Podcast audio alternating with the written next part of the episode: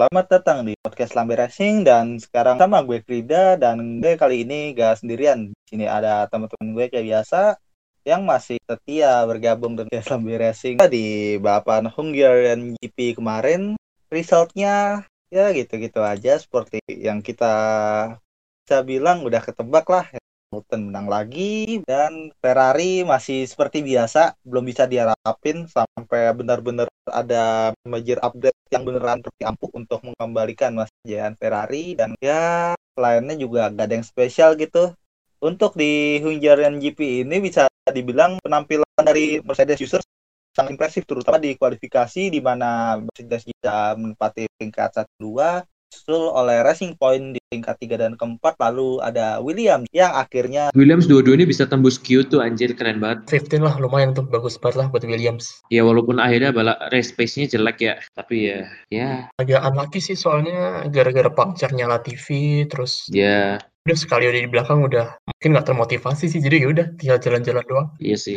Tapi kebangkitan dari Williams ini kan juga sedikit terbantu dari kebobrokan Ferrari di mana Haas dan juga Alfa Romeo sekarang yang menempati posisi paling gurem. Tapi ada momen unik pada saat sebelum balapan Hungarian GP di mana Max Verstappen ke slide karena kondisi track yang masih slip itu di mana ban intermediate-nya masih belum menemukan grip sepertinya dan akhirnya slip. Itu menurut gue sebenarnya kayaknya cuman itu ya beberapa dari momen-momen yang menarik di balapan tapi kayak cuman itu doang sama lap terakhir kayaknya. Udah yang lainnya kayak Iya.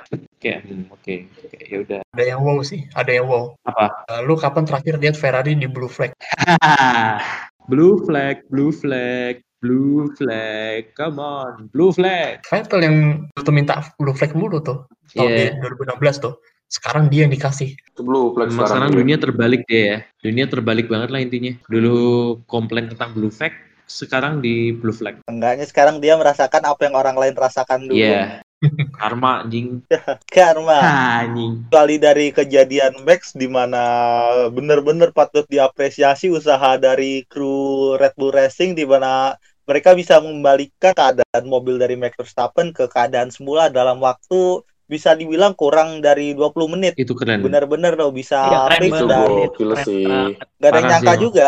Gak ada yang nyangka. Dan hasil kerja keras dari kru Red Bull Racing juga terbayar di mana Max Verstappen berhasil menempati peringkat kedua di atas Valtteri Bottas. Iya. Iya benar. bisa ngalahin Wow. Bottas Itu just wow. ini yang diapresiasi cuma mekaniknya doang kan Maxnya enggak kan ya kan dia nabrakin mobilnya sayang timnya udah jadinya tuh Ya, ya drivernya juga patut diapresiasi juga lah. Tapi mau gue lagi diapresiasi juga drivernya udah bagus. Berarti standarnya udah beda Hmm, iya, lagi. bener bener bener Iya. soalnya gini ya soalnya kan Hamilton nih hampir semua tim di overlap ya masuk si Albon sendiri jadi kayak hitungannya Hamilton nggak over nggak overlap Red Bull juga Max Verstappen ini mungkin kebantu bener ya kebantu skill ya jadi dia tuh kayak bisa stick di belakang Hamilton mana dia tuh masih bahkan di depan Bottas bahkan jadi istilahnya tuh kayak nggak nggak apa ya bukan yang blue flag lah dari semua pembalap itu Tapi keadaan si Albon ini sama Max Verstappen sendiri berbanding terbalik dimulai sejak kualifikasi. Di mana Alex Albon ini sulit untuk menemukan pace-nya dan puncaknya terjadi di kala si Alex Albon ini terjebak di tengah-tengah traffic pas kualifikasi. Sampai protes di radio timnya. Jadi sebenarnya ini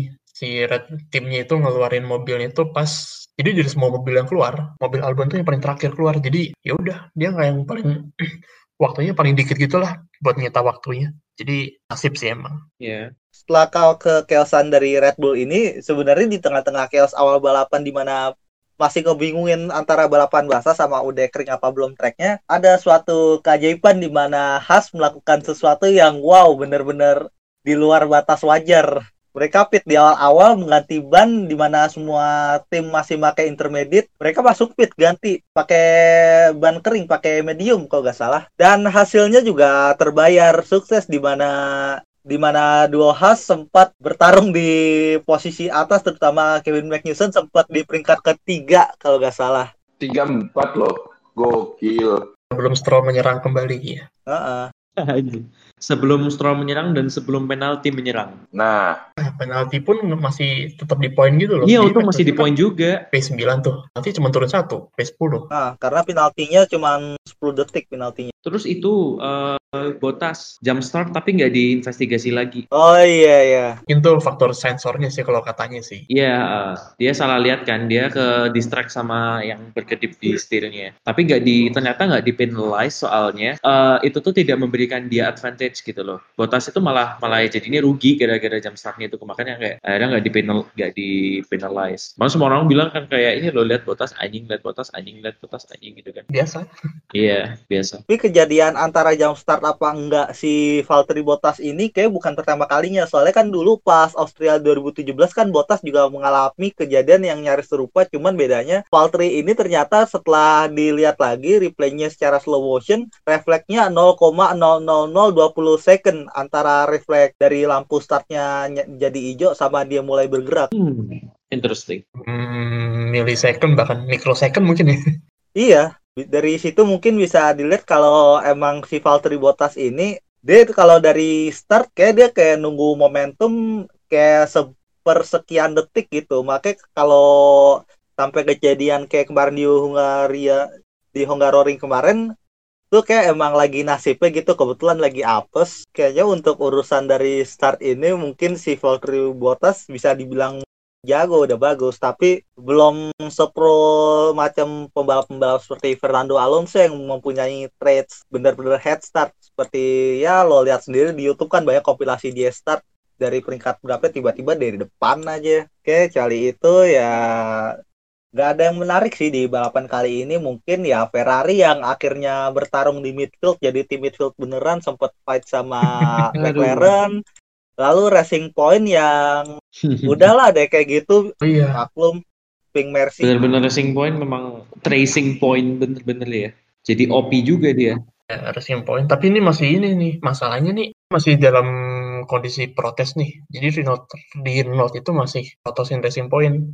Kondisi nomor 4-nya Lance Stroll sama nomor 7 Perez ini jadi kayak masih profesional doang gitu. Kalau di sumber wikinya nih. Jadi bisa jadi ya antara kena penalti atau mungkin kena SQ bahkan sekalipun free ya kita nunggu aja. Karena karena proses dari penaltinya sendiri masih dalam proses belum ada keputusan resmi dari FIA-nya dan Renault masih berkali-kali ngasih protes gitu. Nggak sepertinya ada keinginan untuk balas dendam dengan apa yang terjadi di Renault tahun kemarin kan kena penalti juga no gara-gara Racing Point protes. Kalau misalnya dua racing point ini kena penalti, ini kabar baik nih buat tifosi. Kenapa kabar baik? Soalnya Leclerc ya awalnya 11, 9 habis itu. Ya, you know lah, kasihan kan Leclerc kan gagal poin gara-gara kesalip Sainz doang.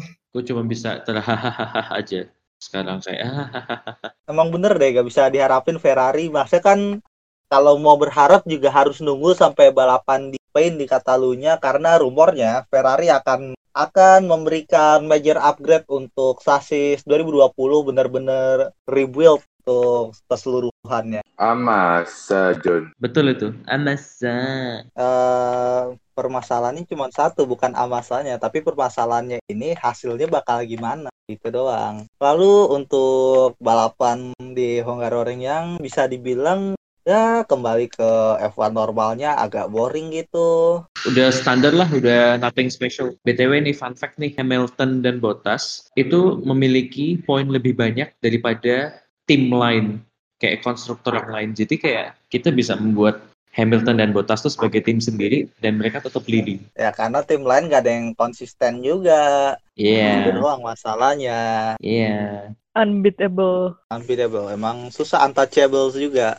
Walaupun sebenarnya udah harusnya secara teknis bisa terusik terutama sama Ferrari tapi ya mau gimana lagi emang mereka ngelawak. Lalu untuk untuk race di Formula 2-nya sendiri bisa dibilang ya gak beda jauh lah sama F1 cuman kebetulan di di Formula 2 ini terutama di feature race ini sangat unik untuk balapannya di mana pertarungan strategi benar-benar terlihat wow, gimana tuh? pertarungan strategi pemakaian ban di mana driver yang menggunakan strategi di mana stint pertamanya menggunakan ban medium akhirnya bisa dilihat dari pace balapannya yang ya ya begitulah. Akhirnya mereka bisa terbayarkan di mana pengorbanan di stint pertama pace mereka agak sedikit berkurang dan di stint kedua setelah berganti ban menjadi soft kebanyakan yang menggunakan ban soft di stint keduanya setelah berganti ban benar-benar bisa ngejar dan akhirnya regain posisi seperti contohnya Robert Schwartzman di mana yang tadinya tertinggal dari Mick Schumacher setelah berganti ban menjadi ban soft bisa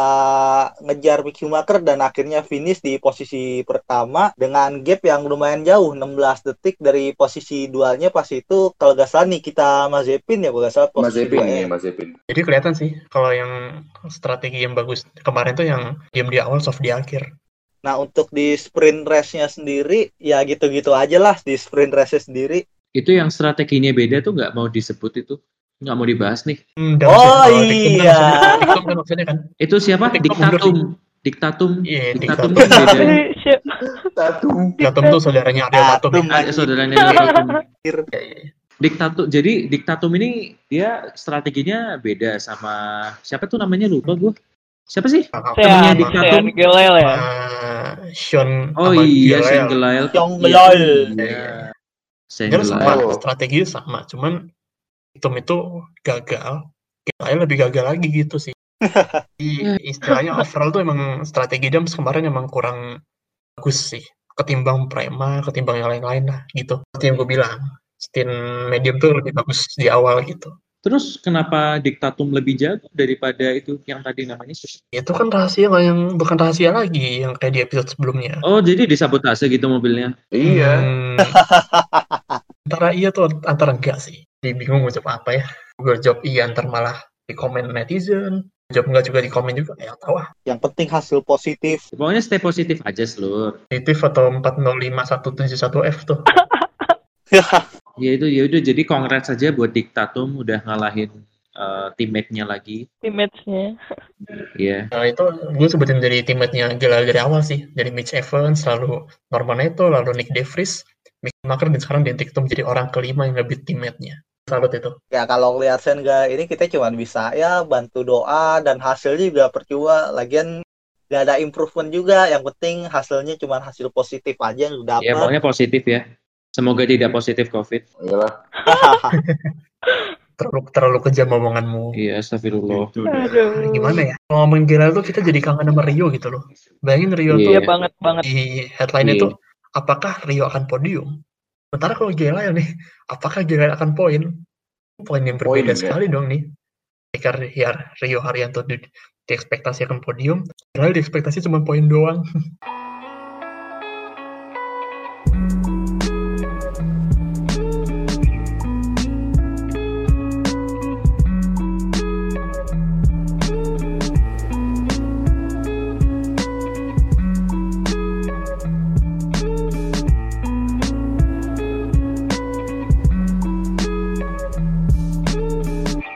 Ya, setelah kemarin Formula One menyajikan sesuatu yang biasa-biasa aja, gak ada yang wah banget kayaknya dan gak hanya di balap roda 4, di balap roda 2 di MotoGP kemarin yang akhirnya kembali akhirnya MotoGP kembali di balapan di Jerez kali ini.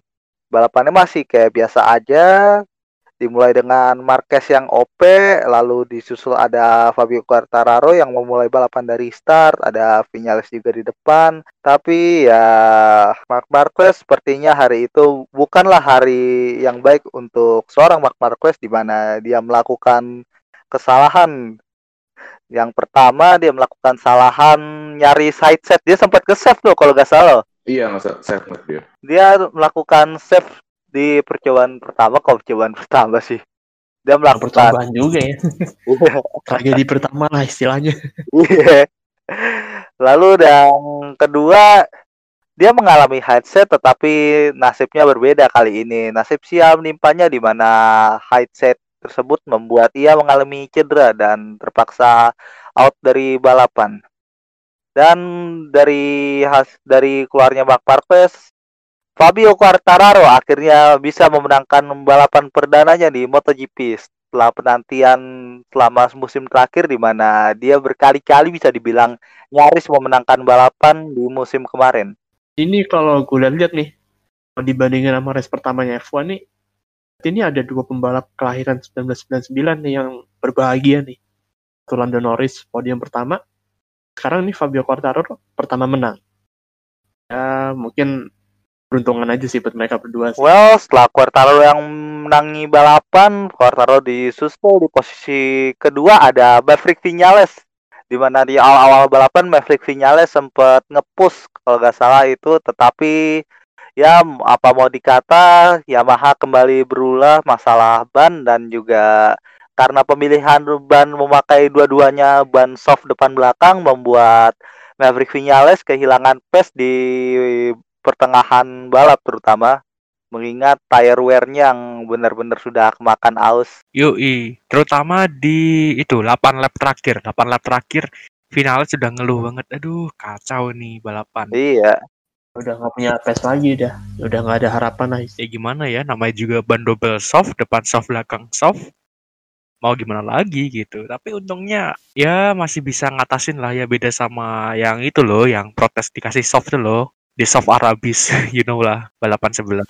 oh Oh iya iya iya. iya. Yang nentuin bannya di MotoGP itu timnya atau pembalapnya sendiri nih sebenarnya. Kalau misalnya timnya berarti strategi si Yamaha mirip-mirip sama strategi tim merah dong berarti. Merah roda 4 maksudnya. Nah, untuk pemilihan strategi sendiri kan tim menyesuaikan dari feedback dari pembalap juga sih sebenarnya tim mengumpulkan dari mungkin dari hasil free practice dan juga hasil warm up session sebelum balapan lalu rider juga memberikan feedback untuk nantinya tim memutuskan balapan tim tersebut akan memakai ban apa jadi hitung-hitungannya bisa dibilang kayak kong kaling kong dua-duanya antara rider sama tim untuk pemilihan ban Hmm. Mm, betul. Jadi dua-duanya tuh berperan gitu ya.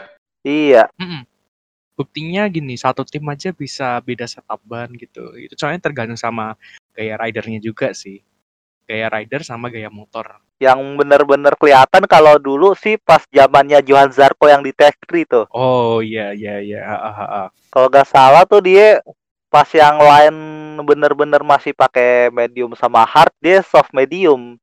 Masalahnya satu, pas udah di awal-awal balapan iya dia gacor, cuman pas di pertengahan mulai kacau dan masalahnya itu gak terjadi cuma sekali tapi berkali-kali nyaris di semua balapan Zarco bisa dibilang kayak gitu. Yoi, betul banget. Hmm, jadi kayak Lorenzo yang pas di Ducati dulu ya nggak sih? Lead di awal ngelit, akhir kesalip. Itu gue, gue kurang inget sih itu faktor ban atau faktor pembalapnya itu. BTW ngomongin anu pembalap Yamaha nih sayang sekali dari empat pembalap yang pakai motor Yamaha M1 ada satu pembalap yang gagal finish yaitu siapa lagi kalau bukan The Legend Bah Dokter. Ya mau gimana lagi emang ya si si Rossi ini kan emang dari free practice ini kan dia udah mengeluh permasalahan di grip ban kalau nggak salah. Terus juga pas balapan itu dia dia juga outnya ini bukan masalah out karena crash kan ada masalah juga pas di straight itu ada indikator merah nunjukin kalau ada permasalahan di mesinnya. Mm-mm. Dan Hmm. akhirnya terpaksa AFK. Sayang sekali sih. Nah, kita lihat aja lah Rossi semusim ini peringkat berapa. Apakah tetap sama atau turun? Soalnya kan kelihatan banget nih. Forma Rossi udah mulai mulai mulai ya seperti biasanya nih kelihatannya. Hmm. Ya fisik udah gak bisa bohong sih. Tapi ya determinasi seorang Rossi ini beda. Walaupun ya umur sama fisik udah gak bisa diharapin, tapi skillnya masih ada. Untuk pembalap yang usianya sedia masih bisa kompetitif itu udah hal yang gila banget. Hal yang wow ya. Di luar nalar sih ini gila. Gak masuk akal gini. Umur segitu loh. Itu kalau di Indonesia bapak-bapak itu naiknya motor Supra antar anak sekolah. BTW kalau ngomongin race kemarin menurut kalian Alex Marquez kayak gimana nih Alex Marquez? Itu nebeng nama abang. Itu nebeng nama abang. Mau gimana lagi? Emang gitu. Masalahnya kan si Alex Marquez ini kan kenapa dia diboyong sama HRC ke tim Repsol mungkin bisa dibilang karena biar si Mark Marquez ini mau menandatangani perpanjangan kontrak bersama HRC. Ah, bisa dibilang mungkin kayak gitu, tapi ya gak ada yang tahu juga alasan di balik itu. Lagian si Puig kan juga punya alasan tersendiri. Oh ya ngomongin masalah Marquez, gue denger-denger nih ada berita kalau si Marquez ini kayak udah menunjukkan hasil yang fit bersama dengan Alex Rins dan juga Crutchlow yang sebelumnya terpaksa tidak bisa mengikuti balapan dikarenakan cedera. Iya, betul. Udah confirmed. Ya, udah fix itu ya. Kabar baik sih itu ya. Itu dibawa ke Cimande apa gimana? manggil Kang Urut Cimande kayak itu. Gila, Iya tuh. nggak masuk akal anjir. Kayaknya Kang urut terbaik di dunia lah dipanggil pokoknya. Masalah gini loh, eh sebenarnya Marquez tuh di awal cedera itu ya waktu mau dioperasi itu diperkirakan itu dia baru pulih 3 sampai 4 minggu. Nah, ini belum ada seminggu udah udah siap loh kayak wow, ini orang cyborg apa orang beneran gitu loh. Gila, dokter dokternya nggak kaleng-kaleng, terus suplemennya nggak kaleng-kaleng, terus ridernya juga daya tahannya mentalnya juga nggak kaleng nggak kaleng-kaleng. Ini udah udah gila nih. Tanker anjir. udah gak masuk akal. Masnya kan dia emang si Marqueznya juga dia mau nggak mau emang dia harus maksa dirinya sendiri buat balik. Soalnya kan misalkan nih dia gak ikut balapan di Heres otomatis kan dia kehilangan potensi 50 poin yang bisa dia dapetin juga dong iya untuk untuk raih title kan juga terancam juga dia dalam persaingan title Hmm, tapi gini deh, eh, misalkan si Marquez nanti race ke depan apa race depan eh, crash lagi, nanti gimana itu? Apa ada eh, reserve-nya apa gimana gitu? ya tergantung dari crashnya kayak gimana juga sih Iya sih, kok kalau misalkan let's say kayak kemarin deh, nanti eh, ke depannya gimana buat Marqueznya gitu? Apa eh, harus dia eh, ganti gantiin dulu apa gimana? Ya terpaksa ya nggak tahu juga. Lagi pula kan juga masih ada waktu untuk recovery sampai nanti balapan di Brno. Nggak tahu ini bisa ngejar apa enggak juga. Masih kan sebelumnya pas Marquez abis dioperasi ini kan target Marquez kembali ini dia balik pas Brno. Hmm, oke oke. Semoga aja sih Marquez nggak mengalami lagi. Lagi pula kan dia karena Ya, semoga baru cedera ini kan dia diatur lah sama si yang pakar kesehatan lah atau apalah pokoknya namanya. Kalau dia balapnya harus disesuaikan sama kondisi badannya. Jadi 100% push gitu lah. Kayaknya sih gitu. Jadi ngelihat ngelihat Marquez besok tuh nggak kenceng itu hal yang wajar. Ah, nggak bisa disalahin juga kalau misalkan dia masih maksa kan juga berbahaya juga buat dia sendiri. Tapi Iya. di sisi Iya, lain juga sih. Marquez nggak mau kehilangan potensi tambahan 25 poin yang bisa dia dapat kan kemarin dia juga DNF dan terpaksa kehilangan poin juga. Biasanya kalau pembalap-pembalap cedera tuh yang kadang tuh ada loh yang beneran sukses comeback kayak Lorenzo pernah tuh gue lupa di race kapan dia habis Asen jatuh 2013 kalau nggak salah. Ya ah iya iya itu dia pas balik dari motor pakai apa lagi jadi kayak balapan bisa kelar tapi jalan nggak bisa Nah, Asen itu Rossi posisi berapa Rossi juga ya? Mas ya masih masih masa recovery. Rossi juga beberapa kali sempet kayak gitu juga yang kelihatan banget pas dulu itu di tahun 2010 pas dia habis cedera tulang kering yang dia balik di Sachsenring itu kan dia masih bener-bener jalan pakai tongkat masih dibantu jalan Oh, iya iya iya. iya. Dan masih nyaris mendapatkan podium sebelum di tikungan terakhir di overtake sama Casey Stoner. Eh, lagian kan juga si Rossi ini masih kan masalah dia comeback kan juga cuman sekali doang dia juga pernah pas 2017 apa 2018 itu kalau gak salah yang dia nyaris digantiin sama Michael van der Mark kalau gak salah oh Aragon. iya iya oh iya 2017 yang dia maksa banget pas itu Haha. itu yang dia sakit gara-gara latihan supermoto nggak sih iya yang Iya kan? latihan di Tafulia pas itu Ah, yang perutnya Oh, sampai iya, harus iya, pakai pakai apa namanya itu kayak ya ada pelindungnya gitulah perutnya itu. Jadi kayak dia tuh balapan masih dalam kondisi perut yang masih belum fit gitu. masih belum fit dia masih benar-benar maksa karena kecintaannya dia dengan dunia balap Mm-mm. Dan ya ya udahlah Van der Mark di PHP.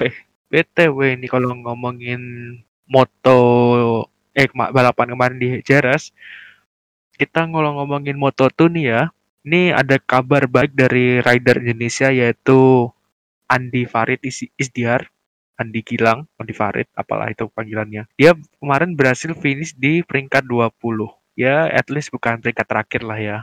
naik 7 tuh lumayan loh dari tuj- dari 27 jadi 20 hitungannya lumayan walaupun juga naiknya juga ketolong karena beberapa rider ada yang crash juga sih Iya, ya, yang nggak apa-apa, nggak apa-apa. Bisa, Tapi bisa, yang- bisa. Tapi yang pas boleh. tapi yang perlu digarisbawahi ini balapan pertamanya ya. Iya. Iya. Dia harus digaris bawain, di bold, di italic. Balapan pertama, boy. Ya udah lumayan lah ya buat eh pembalap Indonesia tuh gimana ya? Aduh, Not bad Buat lah. debutan juga oke. Ah, not bad untuk seorang debutan yang berasal dari negara Asia. Indonesia lagi Asianya. Hmm, Indonesia sih masuknya sih. Itu Asia Tenggara sih kalau bisa dibilang. Soalnya kan Asia Tenggara ini eh, jiwa motornya tinggi tapi prestasinya Agak kurang banyak tuh Iya. kalau di internasional tuh. Iya. Fasilitasnya juga apa mana sih sirkuit Indonesia yang bisa dipakai balapan motor? Sentul aja dicoret dari A- ARRC loh. Banyak kok di Surabaya ada, di mana-mana ada. Surabaya ada. Ya elah di jalanan juga banyak itu balapan motor. Ilegal. Monasco. Temen di Monasco, Kuwait itu namanya. Jadi, Lembang. Monasco, Lembang, Belakang Ice, BSD. BSD ya BSD yang baru nih BSD nih. Bisa, bisa. Kalem, kalem. Kalau di Jogja itu juga tadi ada. baru jalan balapan tuh. Ah iya tuh. oh iya depan rumah lu ya. Markasnya ya. Iya, tuh abis ba- jalan balapan kayak itu. Anjay. Kalau di Jogja juga ada nih. Ya di jalan lintas selatan itu udah kayak itu Isle of Man. Wah, itu udah kayak gitu persis lah truknya. Lebih seru lagi truknya. Kapan-kapan lah kalau lu ke Jogja deh, gua ajakin di sana. Gua udah pernah nyobain waktu itu hujan gitu kan, berkabut gila, bro, nyeserem. Aduh, sono lah pakai Supra. Ayo. iya itu anak-anak Monasco, anak-anak BSD boleh lah dicoba lah. Gila sih itu treknya, tapi enak. Sama ini nih Mandalika gimana nih progresnya nih? Kayak masih kehambat karena pandemik sih kayaknya. Iya, gue terakhir baca progresnya itu eh, pemadatan tanahnya gitu udah sebagian selesai. Cuma Hmm. ya, ya udah belum ada update yang bener-bener wow lagi gitu. Terakhir kabar kan juga bentuk dari layoutnya udah kelihatan jelas. Bentuk kerukan segala macem. Terutama di bagian yang di hairpin tikungan sebelum tikungan terakhir udah kelihatan banget yang ditunjukin fotonya pas itu. Cuma keren sih kalau misalnya udah beneran jadi itu, aduh Mandalika itu udah keren banget tuh. Ya pandemi sih, pandemi itu kayaknya menghalangi semua peluang peluang Indonesia untuk menggelar GP baik MotoGP ataupun Formula E. Formula E ini bahkan masih belum jelas. ya. Ah, bahkan untuk musim depan aja slot yang seharusnya tanggalnya mungkin bisa diisi Indonesia masih kosong sampai sekarang. Iya. Itu penyebabnya karena belum bisa memastikan ya dari pihak Apex-nya ya. Ya kemungkinan besar sih iya karena belum ada kepastian jelas juga bakal ngadain apa enggak untuk di musim depan. Slotnya masih ada. Bisa lah ya, Nanti kita, kita tanya Mas Ledek deh. bisa Oke. lah ya, Iya iya iya iya. bisa lah Tapi ya. orangnya masih lah ya. Lagi di jalan orangnya masih gak bisa ikutan buat episode kali ini. Bisa lah ya, Tunggu gelaran FV lanjutannya aja. Pang- Ah. Udah ngeledek lagi. bisa bisa. Oh, iya. Udahlah bisa. Gue optimis nih kali ini. Yuk, bisa yuk, bisa yuk. Bisa. Ini jarang-jarang gue. Kalau jarang-jarang nggak gue bisa, bisain. Pasti bisa abis itu. bisa lah. Ya, iya. Gue jarang-jarang nih optimis masalah motorsport Indonesia. Susah coy. Ya lu nggak pernah optimis berarti ya. Ngenes banget. Iya. Oh iya, kalau ngomongin MotoGP lagi nih. Rossi kabarnya nih, ini menurut uh, bocoran dari orang Yamaha Indonesia, salah satu pejabat tinggi Yamaha Indonesia, dia atau eh beliau maaf, beliau mengatakan kalau Rossi udah deal sama Petronas, tim Petronas Yamaha, udah Hmm. deal. Nggak apa-apa, Menarik. kita tunggu aja. Iya. Ya, Jadi Ini tinggal nunggu kabar resmi aja. iya. Tapi dia Nah, iya ini berarti sama kayak Ferrari nih. Rossi Quartararo sama kayak Raikkonen Leclerc dulu. Jadi tukeran kursi satu ditambah pabrikan gitu. Iya. Mm, mm. Iya, Jadi udah saatnya memberi kepercayaan pada yang muda gitu. Yoi. Karena ya ya Rossi masih bisa balapan itu udah sebuah anugerah, coy. At least finish 10 besar itu udah sebuah anugerah untuk seorang berumur 41 ya sekarang. Iya, udah part 1 juga. Kalau balap musim 2 D42 itu udah gila banget untuk balapan untuk usia pembalap di balapan modern di mana dia bisa mencapai umur segitu masih ngebalap di ajang superior suatu balapan udah wah banget pasti ini ajang dunia bukan ajang lokal Ajang yang paling tinggi lah. Ajang roda dua paling tinggi gitu ya. Iya, jadi pinnacle of motorsport bagi balapan roda dua. Mm-mm. Udah, aduh, udah anugerah ter terbaik lah ya umur 41 masih balapan. Dan kabarnya juga dia deal sama Petronas ini dua musim sampai 2022, berarti hitungannya sampai umur 43. Gokil. Aduh, gokil. balap. Ini ininya udah deal nih sama Yamaha Petronas, sudah fix. Tinggal ya masalah kecil-kecil aja lah yang tinggal didiskusikan. Jadi ya tinggal tunggu aja, ikutin aja alurnya. Jadi tinggal tunggu konfirmasi keputusan resminya aja. Tinggal tunggu aja ya sama kayak Botas kemarin kan ada gosip tuh dia uh, deal sama Mercedes. Nah, itu kan Hmm, udah sebenarnya deal. gue ada yang gue penasaran nih. Depan kan Honda ini kan Marquez sama Paul Espargaro ya. Nah ini kalau gue lihat race-nya Es- si Paul kemarin ini kayak bagus lumayan deh. Depan ini kayak bakal bisa dua rider bersaing ya nih kira-kira ini. Eh, bisa sih, masnya kan mungkin salah satu alasan si Paul Espargaro di direkrut ya alasannya biar si Marquez ini ada pesaing. Tapi ya gak ada yang tahu juga nanti kelanjutannya bakal gimana. Gue nggak yakin ini pesaing atau wingman nih. Jangan-jangan disuruh jadi wingman kayak si- kayak di sebelah. Yang juga wingman sih kalau menurut gua. Kalau lihat yang udah-udah lo ya. Kan dulu-dulu mah kayak gitu. Tapi gak tahu nih habis ini gimana. Ya mungkin ada suatu visi misi tersendiri bagi Honda. Entah itu pengen si Marquez buat matasi buat matahin rekornya Rossi apa gimana. Pasti itu. Siapa sih yang nggak mau mecahin rekor seorang Rossi gitu. Kalau misalnya Marquez bisa menyaingi rekornya Rossi, it's good. Gue suka-suka aja, gue seneng-seneng aja. Gue sebenarnya, ya gue walaupun seorang fans Rossi, tapi gue juga respect sama Mark Marquez ya. Gue bukan fans yang buta akan, ya buta, buta fanatik gitu, no. Gue respect sama Marquez di sini gila sih Marquez. Walaupun dengan segala perpolitikannya yang sangat-sangat keras banget dan emang harus diakui. Iya iya iya. Politiknya Honda ya.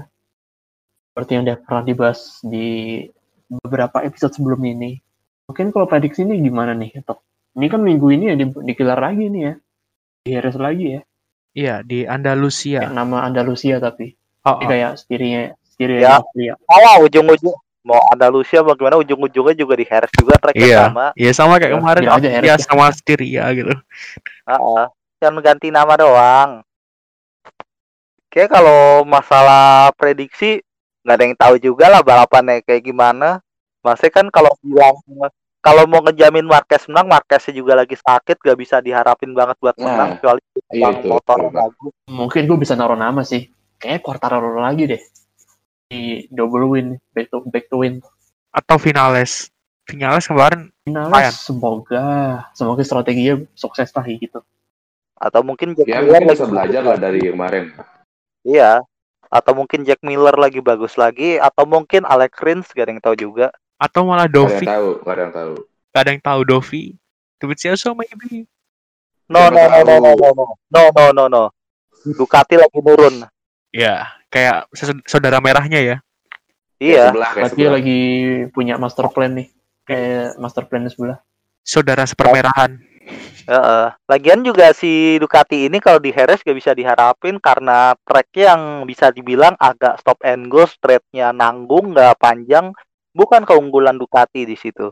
Oh, jelas bukan. Tapi ya who knows. Kadang tuh gimana ya? MotoGP tuh kadang hasilnya nggak nggak bisa diprediksi.